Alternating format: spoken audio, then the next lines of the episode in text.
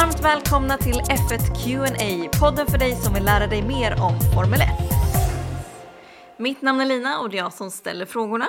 Och mitt namn är Simon och det är jag som besvarar frågorna. Hur är läget med dig?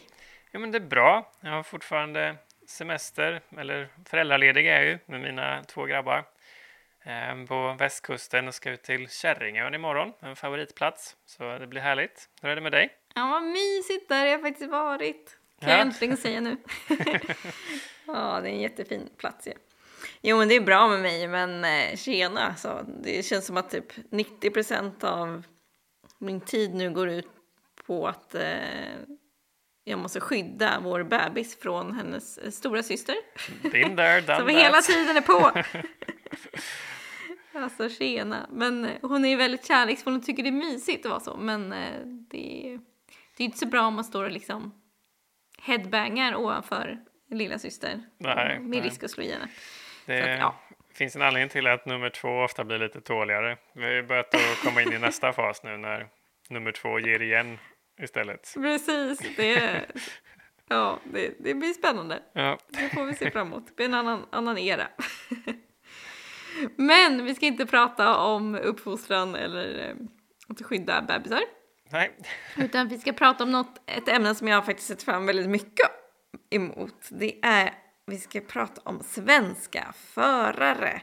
För det, visst har det funnits svenska förare i F1 tidigare? Det har det gjort faktiskt. Ja, hur många då? Ja, totalt så är det tio stycken. Sen var det ganska många som inte fick köra så mycket. En, en hel gäng av dem körde bara ett lopp. Men eh, ja, tio stycken totalt. Ett lopp bara? Va? Ja, det var... Vi hade ju back in the days en, ett F1-lopp som gick i Sverige på Anderstorp, hette den racingbanan. Där har jag kört med andra bilar, tyvärr inte med F1-bilar. Men eh, det gjorde ju att det var lite lättare att få in en svensk. Jag tror det var några där som körde bara på Anderstorp, något lopp. Okej.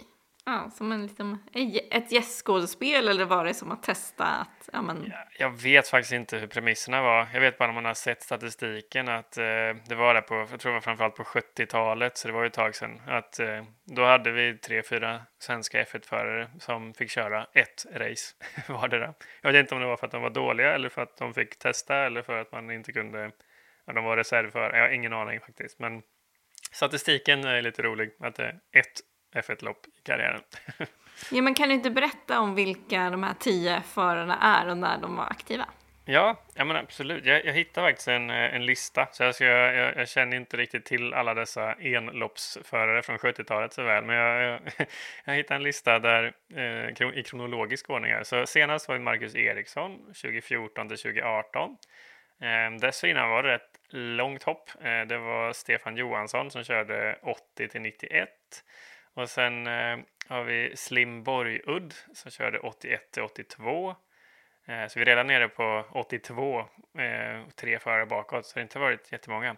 Sen har vi både Gunnar Nilsson, Conny Andersson, Torsten Palm och Bertil Roos eh, och Ronnie Pettersson och Reine Wiesel och Joakim Bonnier eh, där alla körde på 70-talet, men eh, där Joakim Bonnier var den som han körde riktigt länge. Han körde från 56 till 71, så det är ju 15 år eller vad det blir.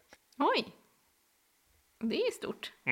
Mm, ja, jag har ingen aning om hur det var på den tiden, men nu är det ganska sällsynt att man kör så länge. Ja, ja men precis. Det är också sällsynt att man kör som Conny, Torsten och Bertil som körde ett race var. Ja, bara ett race, ja. inte ens en, en säsong, utan Nej. ett race. Exakt. Det låter dyrt att byta förare varje race, Ja, men vad annat på den tiden kanske, vem vet. precis. Men eh, vem av de här har nått störst framgång? Eh, Ett av de tio så var det tre stycken som lyckades vinna ett F1-lopp. Så det är ganska ändå bra stats måste man säga. Med tanke på att det var tre av dem som körde ett race bara. Men eh, det var bara en förare, det var en svensk förare som har vunnit mer än ett F1-lopp. Och det är Ronnie Pettersson. Han vann eh, tio lopp, jag tror han körde typ 100 lopp någonstans, eh, drygt. Eh, vann 10 och hade 26 pallplatser totalt. Och så han är ju i särklass den som har nått, nått störst framgång. Han hade ju smeknamnet eh, Super Swede i F1-cirkusen. Så att, eh, det säger vi lite också. att han var snabb. Just det, men han omkom va, på banan? Mm, det gjorde han. Det är ju tragiskt. Verkligen. Vet du hur? Ja, det, det, var faktiskt inte på banan, men det var ju orsakat på banan. Det var på Monza, eh, ita, italienska Grand Prix 1978. Eh, och ja, kortfattat så körde han in i en barriär och bilen började brinna, studsade ut igen på banan och han satt fast i den här brinnande bilen. Ehm, och an, men andra förare hoppade ur sina bilar och lyckades få loss honom. Ehm, så han, han levde och jag vet han, han låg på, jag läste någon så här mer detaljerad artikel att han han låg och hade så kraftig skada i benet att de andra förarna liksom höll bort hans huvud för att han inte skulle titta på sitt eget ben. Ehm, så det var ju lite läskigt. Och, mm. Man körde honom till sjukhuset eh, och då såg man att han hade 27 olika frakturer eller benbrott i benet och andra delar av kroppen. Så det var ju en smäll kan man säga. Och så låg han där på intensiven och tillståndet blev kortfattat bara värre och värre. Jag vet att det står alla de här detaljerna om man, om man är intresserad vad exakt det var som var fel och så vidare. Men morgonen efter tror jag det var, den 11 september 78, då, då gick han bort. För det, det gick inte att vända på det, eller man ska säga. Men usch, vad tragiskt. Jag var så här klump i magen av att höra om det. Usch. Ja, det, det var det ju verkligen. Det, man är glad att de ändå har höjt säkerheten. Jag, menar, jag skulle gissa eh, att till exempel eh, Romain Grosjeans krasch var värre. Liksom, men han fick lite brännskador. Mm. Ja, sjukt ändå så. att det ändå... Eller fantastiskt ska man ju säga. Att det ja, ändå har hänt så mycket säkerhetsmässigt. Mm. Nej, men det enda anledningen till att jag känner till att han kallades för Super Swede och för att han just omkom var faktiskt av min pappa som annars är liksom helt ointresserad av allt som har med sport att göra och typ tv också. Men just det, det loppet såg han tillsammans med sin eh, svåger. Mm -hmm. för hans svåger var intresserad av F1. Eh, det, det, har han berättat några gånger ja, nu när, när jag fått upp intresset. satte sig på minnet också och se det antagligen live då, även fast på tv. Ja, fy, fruktansvärt. Då hade de säkert inte den um, hövligheten att de klippte bort. Innan de vet att man är okej okay, Precis, och det känns ju väldigt bra att de gör det nu för tiden. Mm. Men uh, även om man är nyfiken såklart, vill veta ja. vad som händer. Men uh, ja, de filmade säkert det mesta. Ja. ja, precis. Men om vi kan prata om det mer muntert. Ja. vi går över till Marcus Eriksson istället, som var den senaste svensken som har kört F1. Han kör ju nu Indycar. Hur går det för honom där? Ja, det, det kan man väl ta en story då som börjar omuntert och slutar muntert, jag säga. För det gick ju inte alls så bra för honom när han körde F1. Dels kanske för att han körde den absolut sämsta bilen på, på eh, griden. Eh, men även eh, att han gjorde det så körde, imponerade han ju inte alls. Han blev ju oftast frånåkt av sin lagkamrat även om det var en gästförare som aldrig hade kört förut och, och, och han krockade under Safety Car. Ja, det var mycket mycket saker som gjorde att han inte imponerade. Men nu i Indycar så går det ju helt stört bra. Han, eh, det är väl också ett ytterligare bevis som vi pratat om tidigare att alla som kör i F1 är riktigt duktiga. Sen har man kanske otur med bil, timing, team, whatever it might be. Ehm, och nu ser man i Indycar 2022 så vann han det sjukt prestigefyllda loppet Indianapolis 500 eller Indy 500 jag tror i alla fall han är den, en, den andra svensken som vinner det loppet. Kenny Bräck kommer jag ihåg när han vann 99. Jag var 14 år.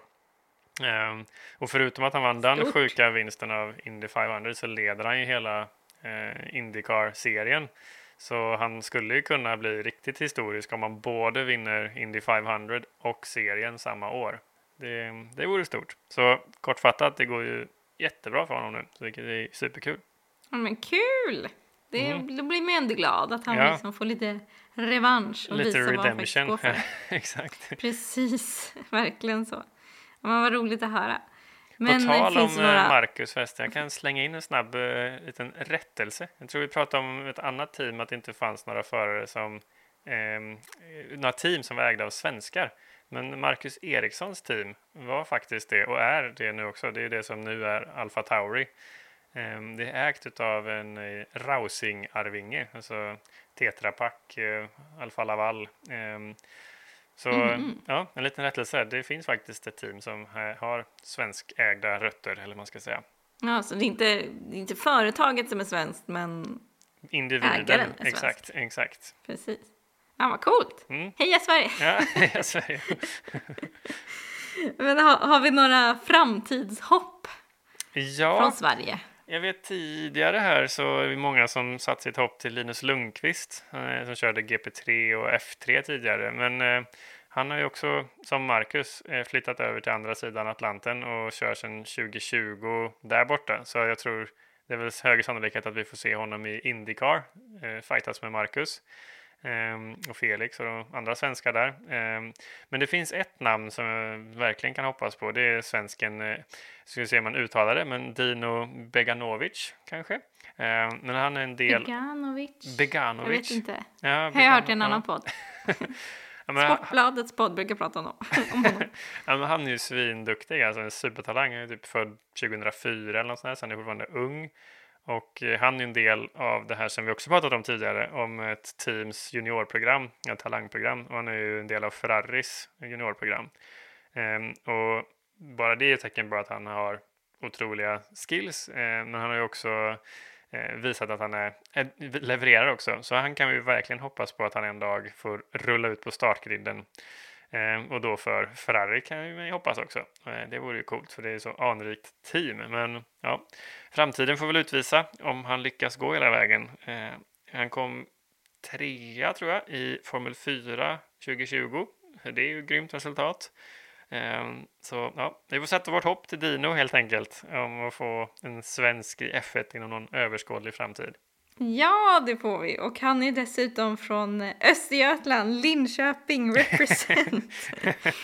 Som eh, min ingifta släkt därifrån. Så det är ju... Honom hejar vi lite extra på. Mer östska åt eh, Europa Mer östgötska till säga. Ja, men hemskt gärna. Jag tycker det är en charmig dialekt också. Oh ja, på, ja, ja, jo, det måste jag säga. Jag är ändå gift med en östgöte. Ja, jo, det- du får inte säga något annat. mer, än, mer än mycket annat. Nej, men eh, superkul faktiskt. Vi, eh, jag har hört att han, han har sagt att han hoppas att han är i F1 inom fyra, fem år tror jag. Ja. Han, han har ju väl en nackdel, bara från mitt perspektiv, att han har både Sainz och Leclerc att fightas mot som båda är relativt unga eh, och fortfarande många år kvar på sina karriärer om de fortsätter att leverera. Så det är väl den enda Precis. Liten... Men har inte Ferrari något eh, annat team de kan peta in honom i Ja, så länge? hoppas det. Kan låna ut honom till någon annan. Och han borde ju kunna få klättra upp till eh, F2 eller någonting sånt också, om inte annat dessförinnan. Ja men precis, det är väl oftast den vägen man går. Ja, om man inte... Kör F2 Kör han sen F4? Har du koll på det? Kör han F4 i år Eh, igen? någon form av F3 F3, ja. Okej. Ja, har jag ja, förstått då- det som. Men jag, jag har inte riktigt koll på alla de där under... Nej, det, jag följer inte men- dem heller. Det är inte så noga Vissa säger, kallar det för F3 men det är typ inte, det heter något annat. Det är ett jättelångt namn som Ja, jag inte ja, ja. har koll Okej. på. Men eh, det går väldigt bra för dem där, Ja. eh, som du sa. Så att, eh, heja heja, Dino! Woho! Och jag hoppas ju att vi snart får höra den svenska nationalsången från prisutdelningen. Ja, det vore coolt. Man har ju hört den brittiska nu så många gånger senaste decenniet. det, Precis, nu är det dags. Nu är exakt, det dags för dem. De får lära sig. Sveriges nationalsång tycker vi. precis. Nej men ehm, spännande. Det ska bli kul att följa hans karriär också. Indeed. Men ehm, vi avrundar podden så här så länge, Ja, tycker jag. Så eh, får vi se om det dyker upp några andra framtidshopp framöver, helt enkelt. Som man kan prata om. Mm. Men eh, du som lyssnar, om du har några frågor som du vill ställa oss som du tycker vi ska ta upp i podden så finns vi på Instagram och Twitter. Där heter vi F1QNA. Och där kan du ställa din fråga så får vi se om vi gör en podd om just ditt, eh, din, dina tankegångar. ja. Ehm, så får vi, eh, får vi tacka alla er som har lyssnat. Och eh, får ni ha en fin vecka tills vi hörs igen i nästa avsnitt. Ja, det tycker jag. Ha det så fint så hörs vi. Hej Det vi. Hej då!